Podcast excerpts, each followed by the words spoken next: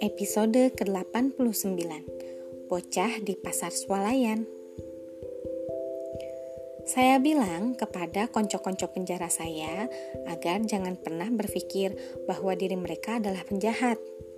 Melainkan berpikirlah sebagai seseorang yang telah melakukan suatu tindakan kejahatan Sebab jika mereka bilang bahwa mereka adalah penjahat, jika mereka diperlakukan sebagai penjahat, dan jika mereka percaya bahwa diri mereka adalah penjahat, mereka akan menjadi penjahat betulan.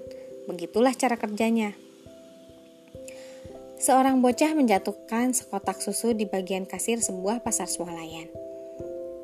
Kotaknya terbuka dan susunya tumpah mengenai lantai. Anak bodoh, kata ibunya. Di lorong sebelahnya, bocah lain menjatuhkan sekotak madu. Kotak itu juga pecah dan madunya menjalar ke lantai.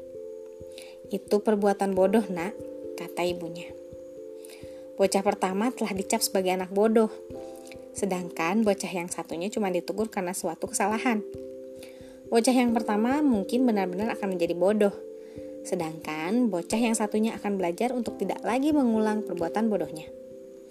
Saya bertanya kepada konco-konco penjara, apa saja yang telah mereka perbuat pada hari mereka berbuat kejahatan. Apa saja yang telah mereka perbuat pada hari-hari lainnya pada tahun itu. Apa saja yang telah mereka perbuat pada tahun-tahun kehidupan mereka. Kemudian saya menceritakan kembali kisah tembok bata saya. Ada bata lain di tembok yang mewakili kehidupan kita.